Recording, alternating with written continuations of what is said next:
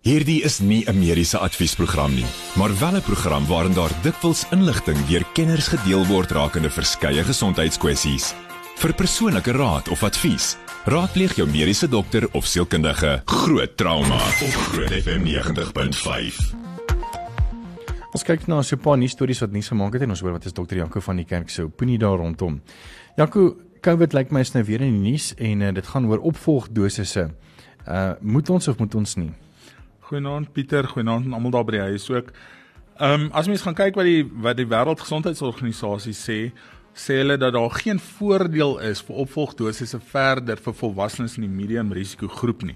So dit gaan jou nie skade doen as jy wel jou eerste en tweede inenting gehad het en dan opvolgdosisse kry nie, maar dit is debatteerbaar of daar enige verdere voordele is. Nou wat is wat is medium risiko pasiënte?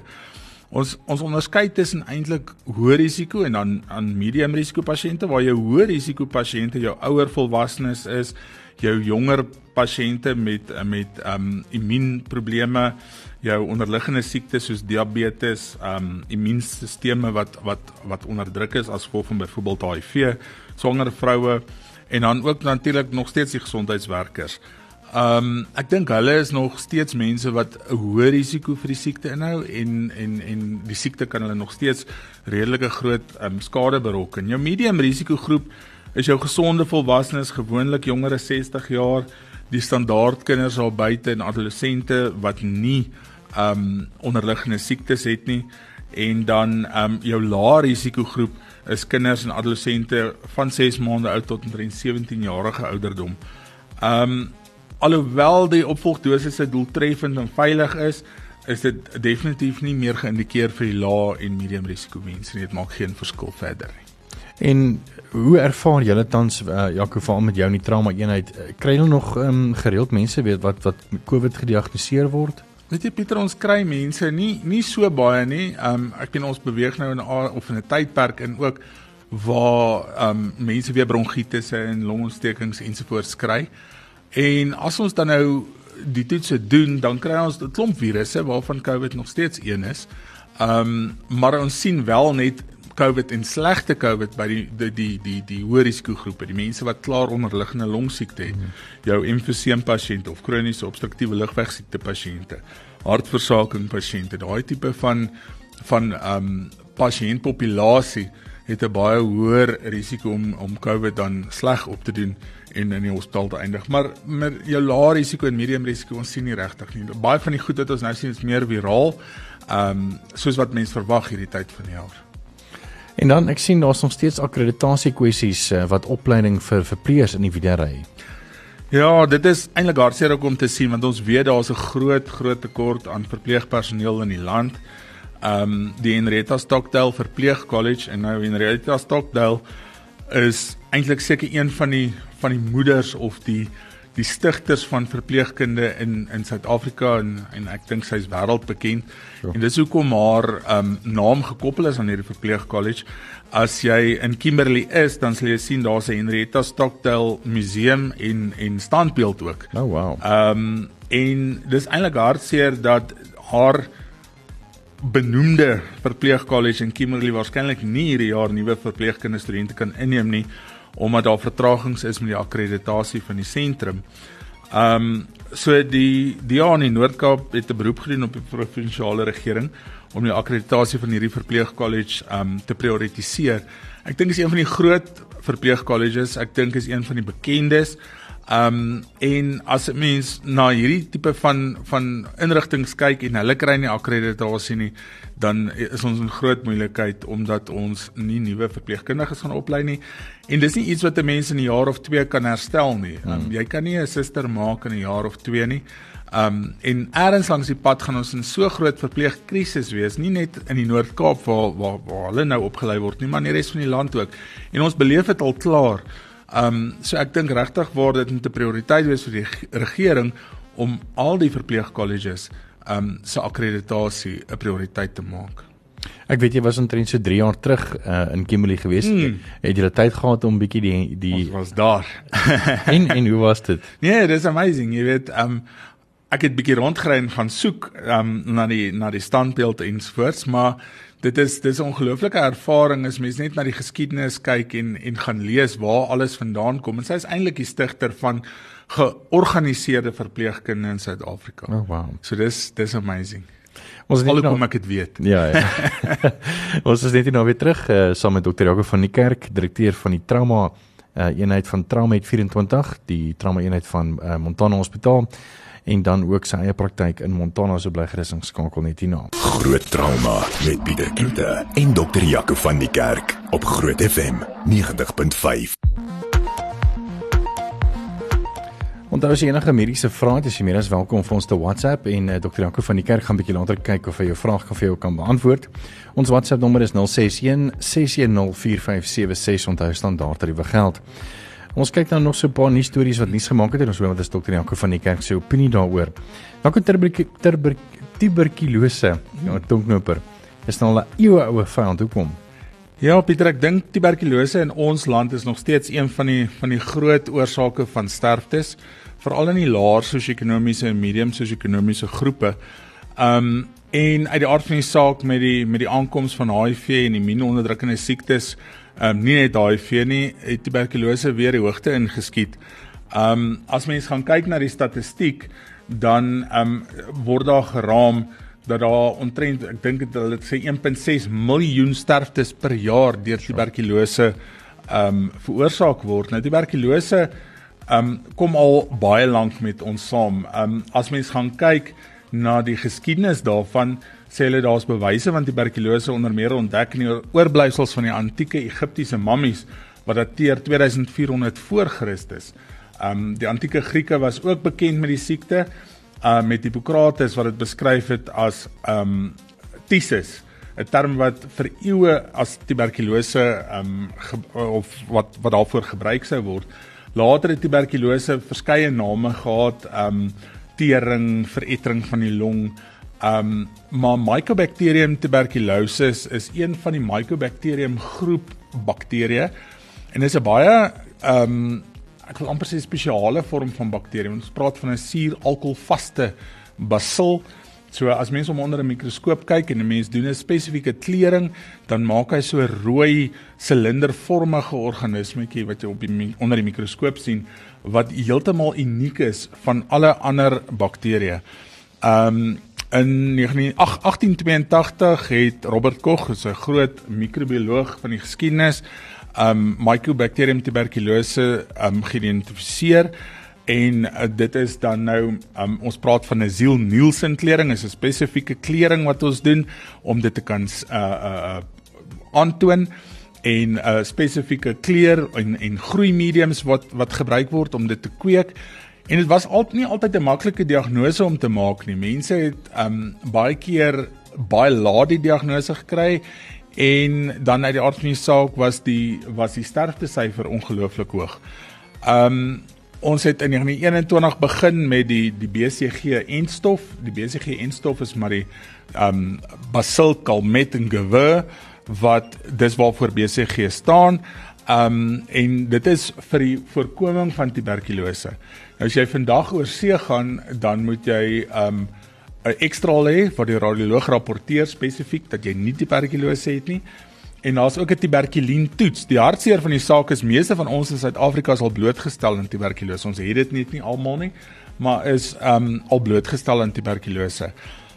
Tuberkulose is 'n moeilike behandelbare ding ook. Um jy het gewoonlik 'n 6 maande behandelingsprotokol waarvan jy 2 maande intensiewe fase 4 verskillende antibiotikas gebruik um wat baie toksies is, wat baie neeweffekte het. Ons het altyd gepraat van Rifampicin of Rifampicin, Isoniazid, Pyrazinamide en um later het Streptomycin bygekom en daarmee saam met mense ook nie altyd by tuberkulose behandeling gebly nie omdat dit so lank duur en omdat um dit so baie neeweffekte het en mense het hulle behandelings onderbreek. En dis waar jou MDR TB of multi-drug resistant en XDR-TB wat veelvuldige um middelweerstandige tuberkulose um uit die aard van die saak ontwikkel het.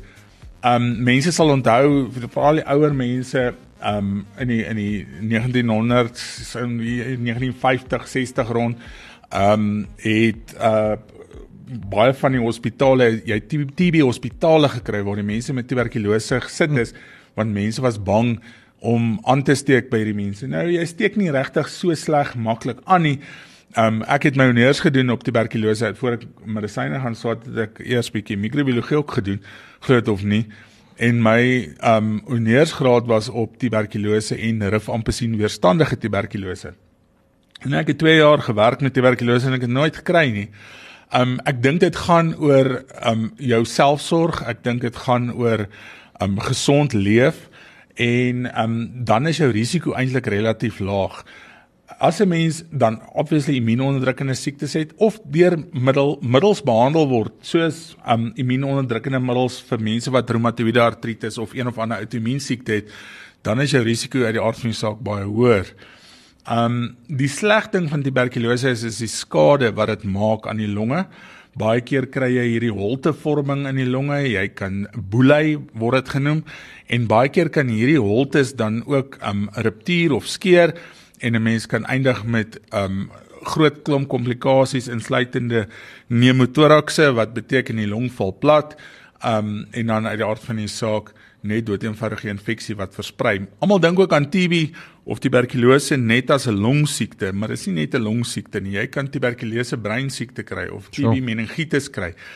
Um en ek het die voorreg al gehad om te sien hoe lyk dit op op 'n nadoetse ondersoek as jy die brein uithaal van iemand wat oorlede is aan um, tuberkulose meningitis en dit lyk letterlik as iemand dink nou aan fetakaas en ek hoop nou nie ek ek ek spoil nou baie mense se eetlus nie maar as jy dink aan fetakaas daai wit struktuur van fetakaas dis min of meer hoe lyk dit om die brein en die brein vog as iemand dan oorlede is aan tuberkulose meningitis.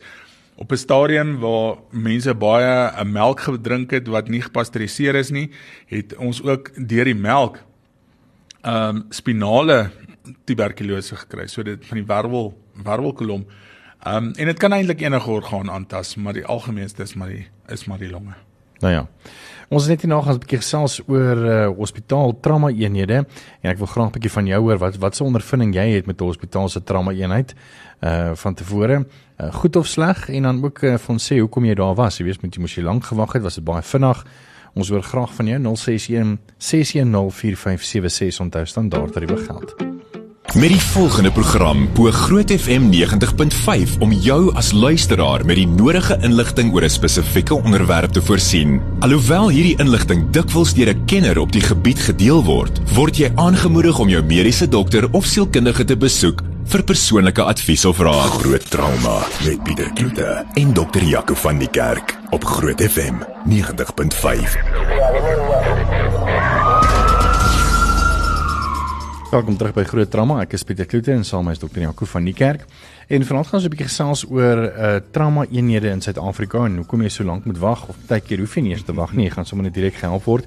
So ek wil graag 'n bietjie by jou hoor, wat is jou ondervinding van 'n trauma eenheid? Uh maak nie saak wat se hospitaal jy nou al was nie. Laat weer 'n bietjie vir ons 061 610 4576 onthou standaard tariewe geld en dit kan goed of sleg wees, laat weet vir ons. Maar kom ons begin net eers bietjie met klassifikasie van ehm um, trauma eenhede. Ehm um, voordat ons by die klassifikasies gaan kom, ek meen baie keer ek meen ek besoek net 'n trauma eenheid as ek nou voel ek moet iemand trauma eenheid toe vat. Ehm um, mense kyk nie noodwendig na weet wat se vlak van ehm um, trauma eenheid is dit nie. Jy weet ehm um, so kom ons begin net by of kom ons begin by die vlakke van van uh, trauma eenhede. Ehm um, ek sien daar is omtrent 4 vlakke. Hmm. Ehm um, vertel ons 'n bietjie meer oor vlak 1. Ja, Pieter, ek dink as mense gaan praat oor die oor die vlakke van trauma eenhede, meeste hospitale se trauma eenhede histories het begin as algemene praktyke wat saamgekom het en veral in die stede waar mense nie meer wou huisbesoeke doen nie of nie kan huisbesoeke doen nie weens die feit dat dit te ver uit mekaar uit is, te veel pasiënte, jy kan nie by almal uitkom nie en wat kan 'n mens doen by die huis? Um so wat baie keer gebeur het in die in die verlede is dat 'n klomp algemene praktisyns bymekaar gekom het. Hulle het besluit hulle gaan 'n groep praktyk stig en dan hulle of 'n perseel gekry of naby hospitaal sou daar een wees, het hulle dan 'n noodeenheid gestig. So dan het almal beurte gemaak in 'n spesifieke area om dan elke keer sê maar een nag geweek te werk en dan gaan jy fisies na die betrokke fasiliteit toe waar dan beter fasiliteite is om pasiënte te help. En dit het baie lank so gegaan, ehm um, maar daar was nie 'n basiese minimum riglyn oor hoe en wat is die tipe sorg wat gegee moet word nie. Is dit net algemene praktykwerk of wat gaan jy doen met jou hartaanval of jou beroerte of jou of jou groot motorvoertuig ongeluk? En dis waar die Suid-Afrikaanse Trauma Vereniging begin het om te probeer om protokolle daar te stel van wat is spesifieke vlakke van trauma behandeling. Ons weet dat die geskiedenis uit um, selfs selfs in die eerste wêreldlande Amerika het ook nie spesifieke riglyne gehad nie tot voor die ATLS beginsel begin is nie. En dit is omtrent ek meen die ATLS uh, ja, beginsel is nou maar nee, 76 89.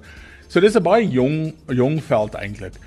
Ehm um, so wat ons nou het is dat alle trauma eenhede in Suid-Afrika word gegradeer op op grond van vlakke, vlak 1, 2, 3 en 4.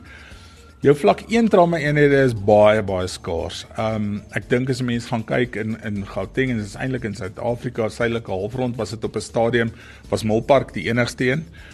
Um toe het Unie Hospitaal gekom en Alberton is nou ook een. Um so vlak 1 trauma eenhede is dan jou major trauma, trauma centers waar al die groot ons praat ook van multisisteem trauma heen gaan.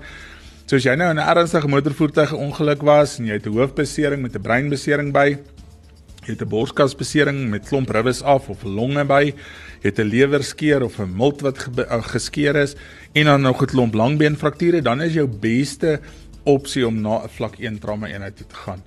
Ongelukkig buite die stedelike gebiede is daar nie vlak 1 trauma eenhede en ek dink die hele Vrystaat het nie een nie. Ek dink um meeste van die Kaap provinsie het nie. Um Limpopo het definitief nie. Um so ja, ek dink vlak 1 trauma eenhede het dan 24 ure 'n dag 'n trauma teater wat beskikbaar is en wat 'n volledige span mense het wat daar werk. So hulle het ook 'n trauma chirurg heeltyd op diens 24 ure 'n dag, 7 dae week, 365 dae 'n jaar met dan emergency physicians of specialist trauma dokters.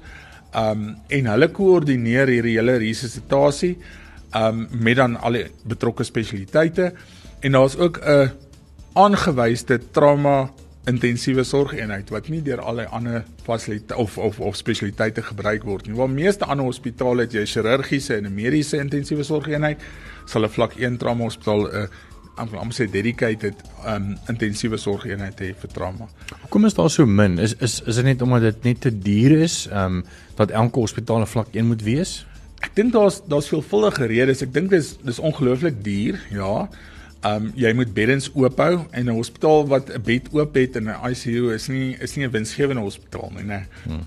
So jy wil nie eintlik hê mense moet so sleg beseer word dat hulle vlak 1 trauma eenheid nodig het nie. Maar aan die ander kant wil jy ook nie hospitaal leeg hê nie. So ek dink aan die een kant dis daar's 'n balans dat jy nie te veel ook van hierdie beddens het nie. Dis die een ding. Die ander ding is daar's 'n ongelooflike tekort aan opgeleide eh, trauma spesialiste in terme van die die emergency physicians of die die die meer mediese aspek daarvan en ook die trauma chirurge. Daar's nie baie van hulle wat wat in omtrek is of in omloop is in Suid-Afrika nie. En en dis 'n ongelooflike tekort en in hierdie eenhede is ook spesialist trauma opgeleide susters wat nog skaarser is. Ons het nou gelees um, in die nuus dat hulle nie opgelei word eers enige verpleegkundige nie. Waar as jy 'n trauma opgeleide suster is, dan gaan jy nou deur jou hele kursus en jy moet nog 'n ekstra 2 jaar gaan doen. Um net in trauma. So ek dink daar's 'n tekort aan personeel. Daar's 'n tekort aan geld vir vir fasiliteite.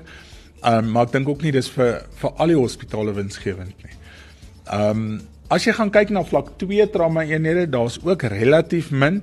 Ehm um, is dit eintlik maar net 'n klein stappie onder die die vlak 1 ehm um, wat nog steeds major trauma sien.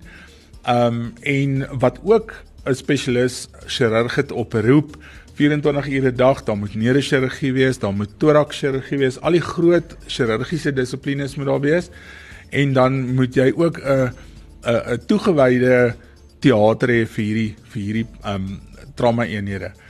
Vlak 3 is waar die meeste ongevalle eenhede in Suid-Afrika op hierdie stadium is. Um wat beteken jy kan nog steeds jou groot trauma hanteer, maar daar is nie noodwendig 'n spesialis trauma chirurg oproep nie. Jy gaan die algemene chirurg en die thorax chirurg en die ortoped afsonderlik kry om dan saam te werk in die multidissiplinêre span Um hulle deel ICU met iets soos um chirurgies en medies afhangend van wat se noodgeval dit is. En um nog steeds in die ongevalle eenheid moet dit gekoördineer wees um deur die dokter wat dan nou in ongevalle werk en hy moet ook dan nou al die spesialiteite wat betrokke is en wat nodig is moet hy dan reël om dan na hierdie pasiënt te kyk. Die ehm um, ander verskil dink ek ook is dat daar nie noodwendig 'n teater beskikbaar is net vir trauma nie. Ehm um, dit word dan nou gedeel afhangend van wat se spesialiteit jy nodig het. As jy die ortopeed nodig het, gaan jy op die ortopediese teaterlys kom ensovoorts. Ehm um, jou laaste vlak van trauma eenhede is eintlik maar soos klinieke. Hulle doen glad nie groot trauma nie. Um ek dink hulle het ook nie goed soos um, MRI skanderings of CT skanderings nie en daar's nie noodwendig teaters by nie. Hulle gaan altyd maar gewoonlik uitplaas na die vlak 3, 2 of 1 trauma eenhede toe soos dan nou um beskikbaar. Wat moet die publiek weet wat is 'n vlak 1 en wat is 'n vlak 4? Ek meen uh, of is dit eintlik maar net meer vir jou uh, voorhospitaalse mediese personeel om dan as hulle 'n uh, ehm 'n prioriteit persoon uh sien dat hulle dan dadelik weet okay die persoon moet dan gevlieg word na net na die level 1 of level 2 hospitale toe. Ja, Pieter, ek dink dit is so belangrik vir die publiek om te weet wat is 'n vlak 1, 2 en 3 trauma eenheid nie. Ek dink as jy 'n krisis het of jy beleef 'n noodgeval is die belangrikste om by jou naaste fasiliteit uit te kom. Het sy dit 'n vlak 4 is, daai persoon wat daar sit, gaan weet dit is bo sy bo, of bo die verwagting van hy van die eenheid en hy gaan dan toepaslik moet verwys. Jy sien baie keer mense uit die klein dorpies of die plattelandse areas van byvoorbeeld um die Limpopo provinsie wat na ons toe verwys. Um dan sal hulle jou bel en sê ek het nie 'n ekstra fasiliteit by my nie. Ek dink hierdie ou het dalk 'n femurfraktuur, maar ek stuur hom vir jou. Um sal jy hom verder evalueer en dan dan plaas hulle oor vir ons en ons kyk verder. Um en van daar af behandel ons dan um die terminale sorg.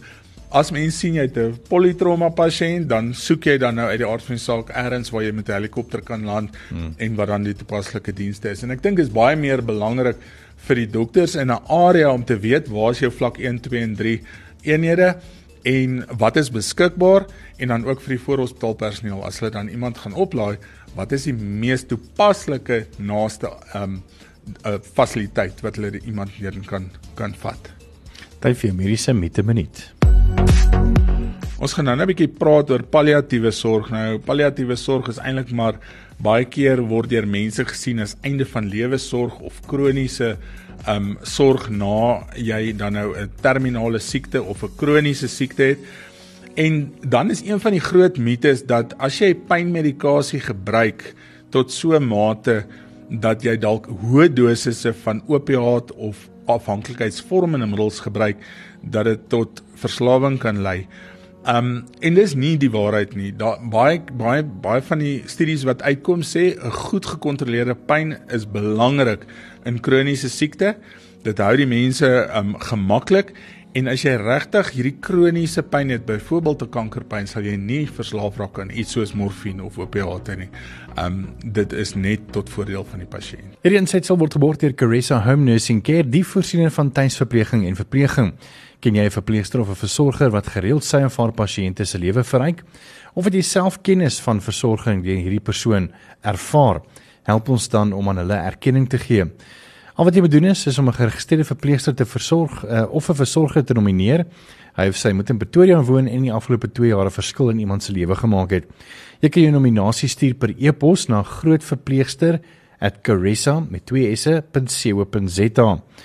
En ehm um, jou motivering oor hoekom jy hierdie persoon nomineer en hy of sy staan 'n kans om 'n maandelikse finalis te word wat ons dan volgende week uh Maart se finalis gaan aankondig en uiteindelik in Mei 2023 weg te stap met R30000 kontant van Caressa en R20000 se vakansie van Sonja Smit begrafnisdienste bees en feesgeld. Sedert 2004 is die verpleegkundiges Gerry en Vanessa Skeepers se fokus die tuisverpleging van pasiënte en bejaardes. Indien jy verkies om tuis aan te sterk na hospitalisasie, sal Care by Vanessa jou tuisverpleging met sorg bestuur. Skakel Care by Vanessa by 012 947 9799. Besoek ons op Facebook of by caressa.co.za. Professionele tuisverpleging met deernis. En ons het nog 'n nominasie vir Maart, Jaco. Ja, Pieter, ehm um, vanaand is 'n uh, ehm um, genomineerde is Suster Elsie Lessing. Sy's 'n neonatale intensiewe sorgsuster en sy's genomineer deur haar eie sussie, ehm um, Tina Slabbert. Nou Tina sê, ehm um, sy kyk op na haar suster. Ehm um, Elsie is dan nou die oudste van 4 kinders en die laaste een wat die familie tree, soos wat sy sê, al vir 31 jaar volg. Sy doen dit alles met passie en hou nooit op nie. Sy's 'n inspirasie vir almal. En in haar spaartyd het, het help sy ook nog steeds mense, selfs haar eie ouers.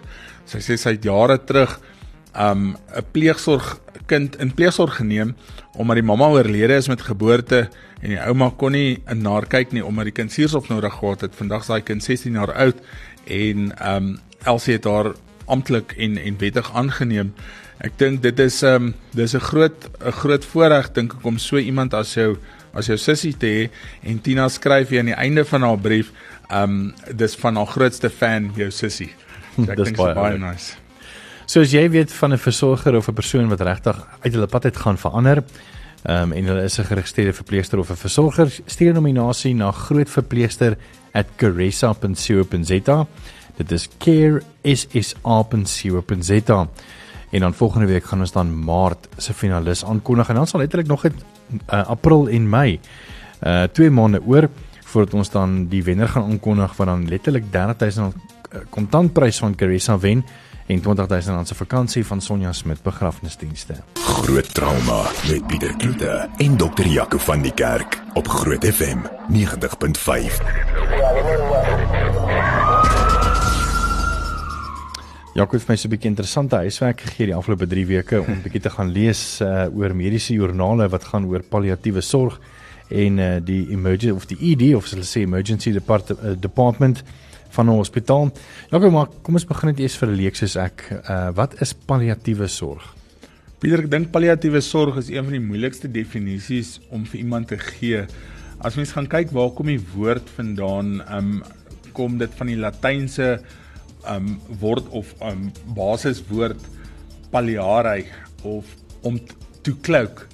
Um maar ek dink as mense dit in in hedendaagse terme stel dan is dit 'n interdissiplinêre mediese benadering en behandeling van 'n pasiënt wat die um doel het om die kwaliteit van lewe te verbeter in pasiënte met ernstige komplekse of terminale siektes.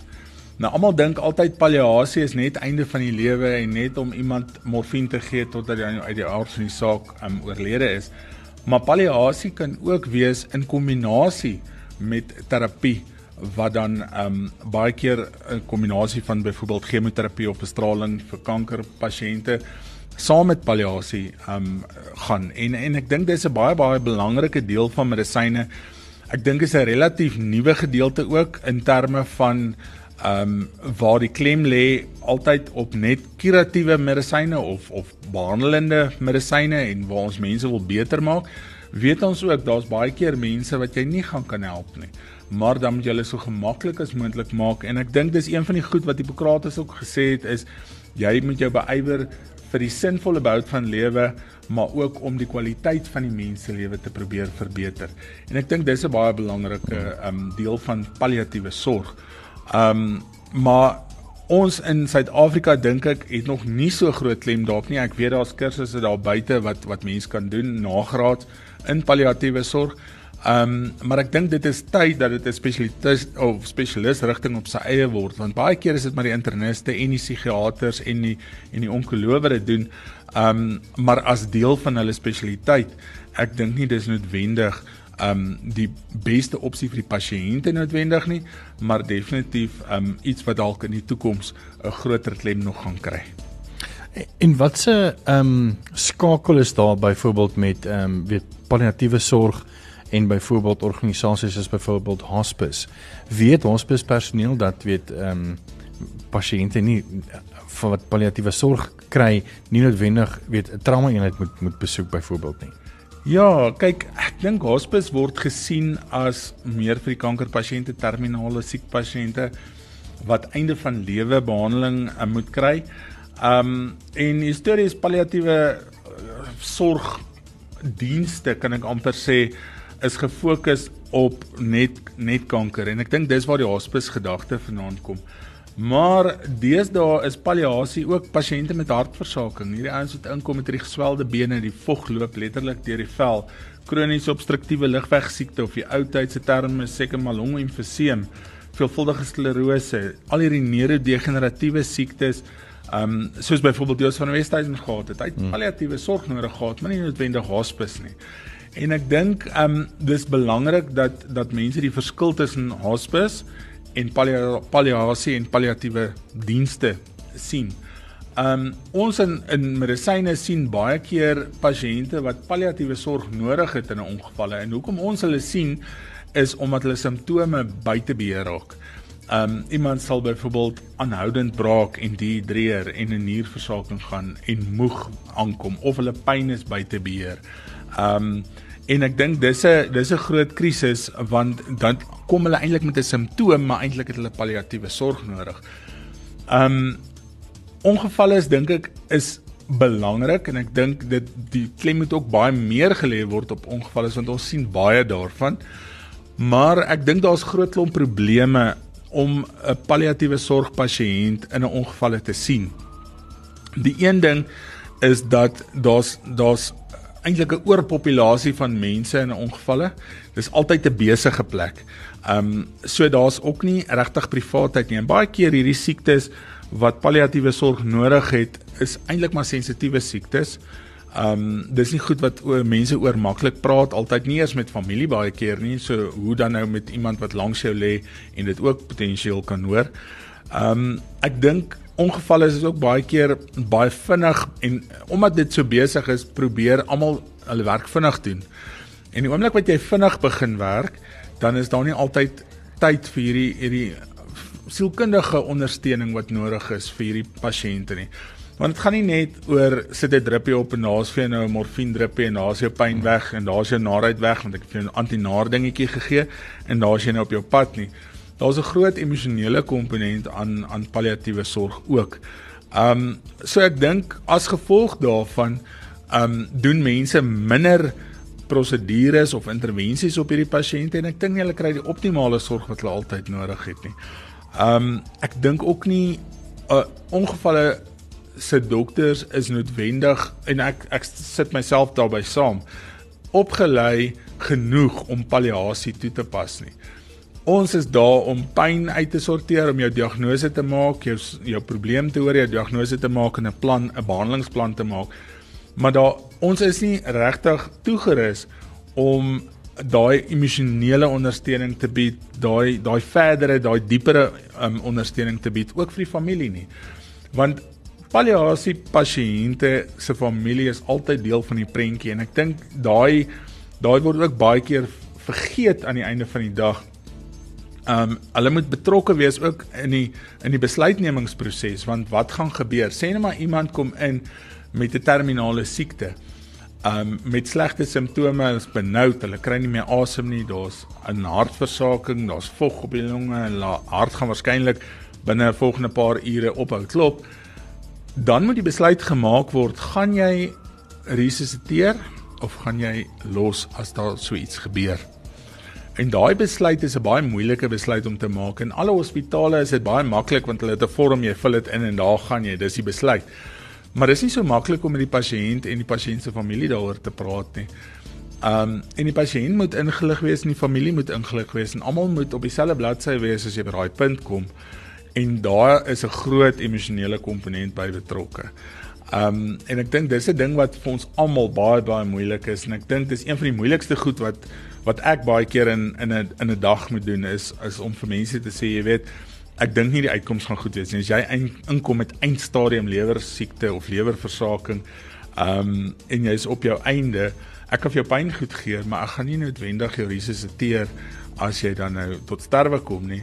Ehm um, en jy moet daai oop verhouding met die familie en die en die pasiënte en dis dis baie keer moeilik en ek dink dit is moeilik in 'n ongevalle situasie ook. Hmm. Ehm um, Ek dink ook dat uh, jou hospitaal se personeel of mediese personeel en ek praat net maar meer van jou uh, jou BTEX uh, hmm. en uh, jou weet jou advanced life support ouens is ook dalk nie altyd ingelig um oor wat om te doen nie. Ek meen uh, as 'n BLS byvoorbeeld by 'n ouete hy stop want hulle is gebel en die tannie voel nie lekker nie en sy is dan besig om uh, om 'n hartaanval te kry en het die besluit dan om te risas, jy weet, en dan bring hulle vir jou 95 jarige tannie wat letterlik weet amper by die dood omdraai, jy weet, en dan wat se sorg uh, ja. of of kwaliteit van lewe het sy daarna byvoorbeeld, jy weet. Dis die ding, jy weet, um almal dink altyd 'n hartklop is lewe en hartklop is nie lewe nie, jy moet breinfunksie hê. Hmm. En die gedagte agter resusitasie is altyd om te probeer om daai persoon te kry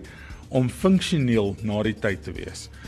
Ek dink dit hang af baie keer van die voorhospitaalpersoneel se ervaring um ook en en hoe lank hulle al in die veld is. Ek ek dink as jy vars gekwalifiseer is, dan wil jy almal red want ons almal wil almal red en ons almal wil almal help deeltyd. Maar dit help nie om die 95 jarige tannie met um, eindstadium longsiekte um of hartsiekte wat dan nou hartaanval kry en hart gaan staan ewe skielik op 'n pas aangeer, 'n eksterne pas aangeer te sit met intraveneuse inotrope en die hart klop altyd lekker, maar die tannie is eintlik al breindood nie. Ja. Want hoe stop jy daai behandeling? En dis die moeilike vraag, né? Hmm. Want nou kom jy daaraan by die hospitaal met 'n tannie wat se hart klop en die funksionele pomp werk, maar die tannie is nie meer daar nie. Ehm um, hoe stop jy daai behandeling? Hoe stop jy die ventilasie? Hoe stop jy die inotrope medisyne? Hoe stop jy die pasangeer wat jy ingesit het? Ehm um, en ek dink dis belangrik dat die dat die voorhospitaalpersoneel ook as deel van hulle geskiedenis weet wat is die geskiedenis van hierdie pasiënt se kroniese siektes. Maar ek dink dis 'n ding wat baie moeilik is en ek dink in ons inherent wil die mens mekaar help en ek dink inherent wil almal mekaar tot so mate help dat jy wil oorleef aan die einde van die dag. Jy wil tog nie 'n resusitasie doen en weet of jy wil net glad nie 'n resusitasie doen nie en sien hoe iemand sterf nie. Maar soms is dit die die menslike ding om te doen. Um en almal sê altyd jy moet jy moet mense se lewe te ander te alle koste probeer het en en dis 'n baie moeilike ding ook. Ek dink nie daar's reg of verkeerd nie. Maar En dis weer eens waar waar as mens gaan kyk na wat Hippokrates geskryf het sê die sinvolle behoud van lewe van sy begin tot die einde. Wat is die sinvolle behoud van lewe? Is dit is dit net om 'n hartklop te hê en asem te haal of is dit om fisies funksioneel te wees soos wat jy dalk van tevore was? En ek dink dis 'n baie moeilike ding en ek dink dan maak mens jouself oop vir vir 'n groot debat met met ehm um, goed soos is is genade dood ensovoorts um wat seker 'n gesprek op sy eie is, maar ek dink definitief dit hang af van van ervaring, dit hang af van die geskiedenis van die pasiënt en wat se verhouding daar is tussen die die genee of die die die die mediese personeel, nie net die dokter nie, eintlik van die van die voorhospitaal af, die verpleegpersoneel, die familie en die pasiënt self. Wat is die verhouding tussen daai daai partye om die besluit te maak? Dit was 'n baie goeie gesprek. Ehm um, ek wil net om af te sluit dink ek ehm um, wie moet jy sê of jy saamstem of nie maar soos wat ek nou kon aflei van ehm um, die artikel wat in die uh, die joernaal van die uh, palliatiewe medisyne uh, is sê dat dat dink Suid-Afrika is nog 'n bietjie ver. Hmm. Ehm um, wanneer dit kom met dit want natuurlik soos jy gesê het, moet dan dokters wees wat letterlik opgelei word in spesifieke palliatiewe sorg. Ehm um, emergency departments uh, of ongevalle departemente departemente moet ook dan letterlik dan ook dan uh, spesifieke physicians hê wat dan dit kan doen. En dan ook 'n um, dedicated spasie soos jy gesê het vir privaatheid en diembeer en ek dink nie jy weet as nou as mense kyk na die geldelike uitleg van dit jy weet um, mense kan nou letterlik nou nie 3 of 4 beddens oop hê en net om te wag vir 'n palliatiewe sorg uh, persoon nie. So ek dink Suid-Afrika het nog 'n baie lang pad om te gaan. Ek dink ons het nog baie jare om te gaan. Maar ek dink as daar iemand is daar buite wat um, graag medies wil gaan swat, is daar baie plek en tyd vir navorsing. Hulle kan nog PhD's en uh, Nobelpryse kry ook vir verandering in palliatiewe sorg in die toekoms. Daar's ongelooflik baie werk wat nog gedoen moet word.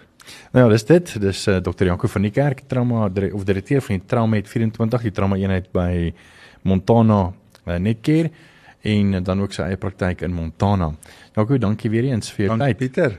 Groot trauma met Pieter Kloete en dokter Jaco van die Kerk op Groot FM 90.5.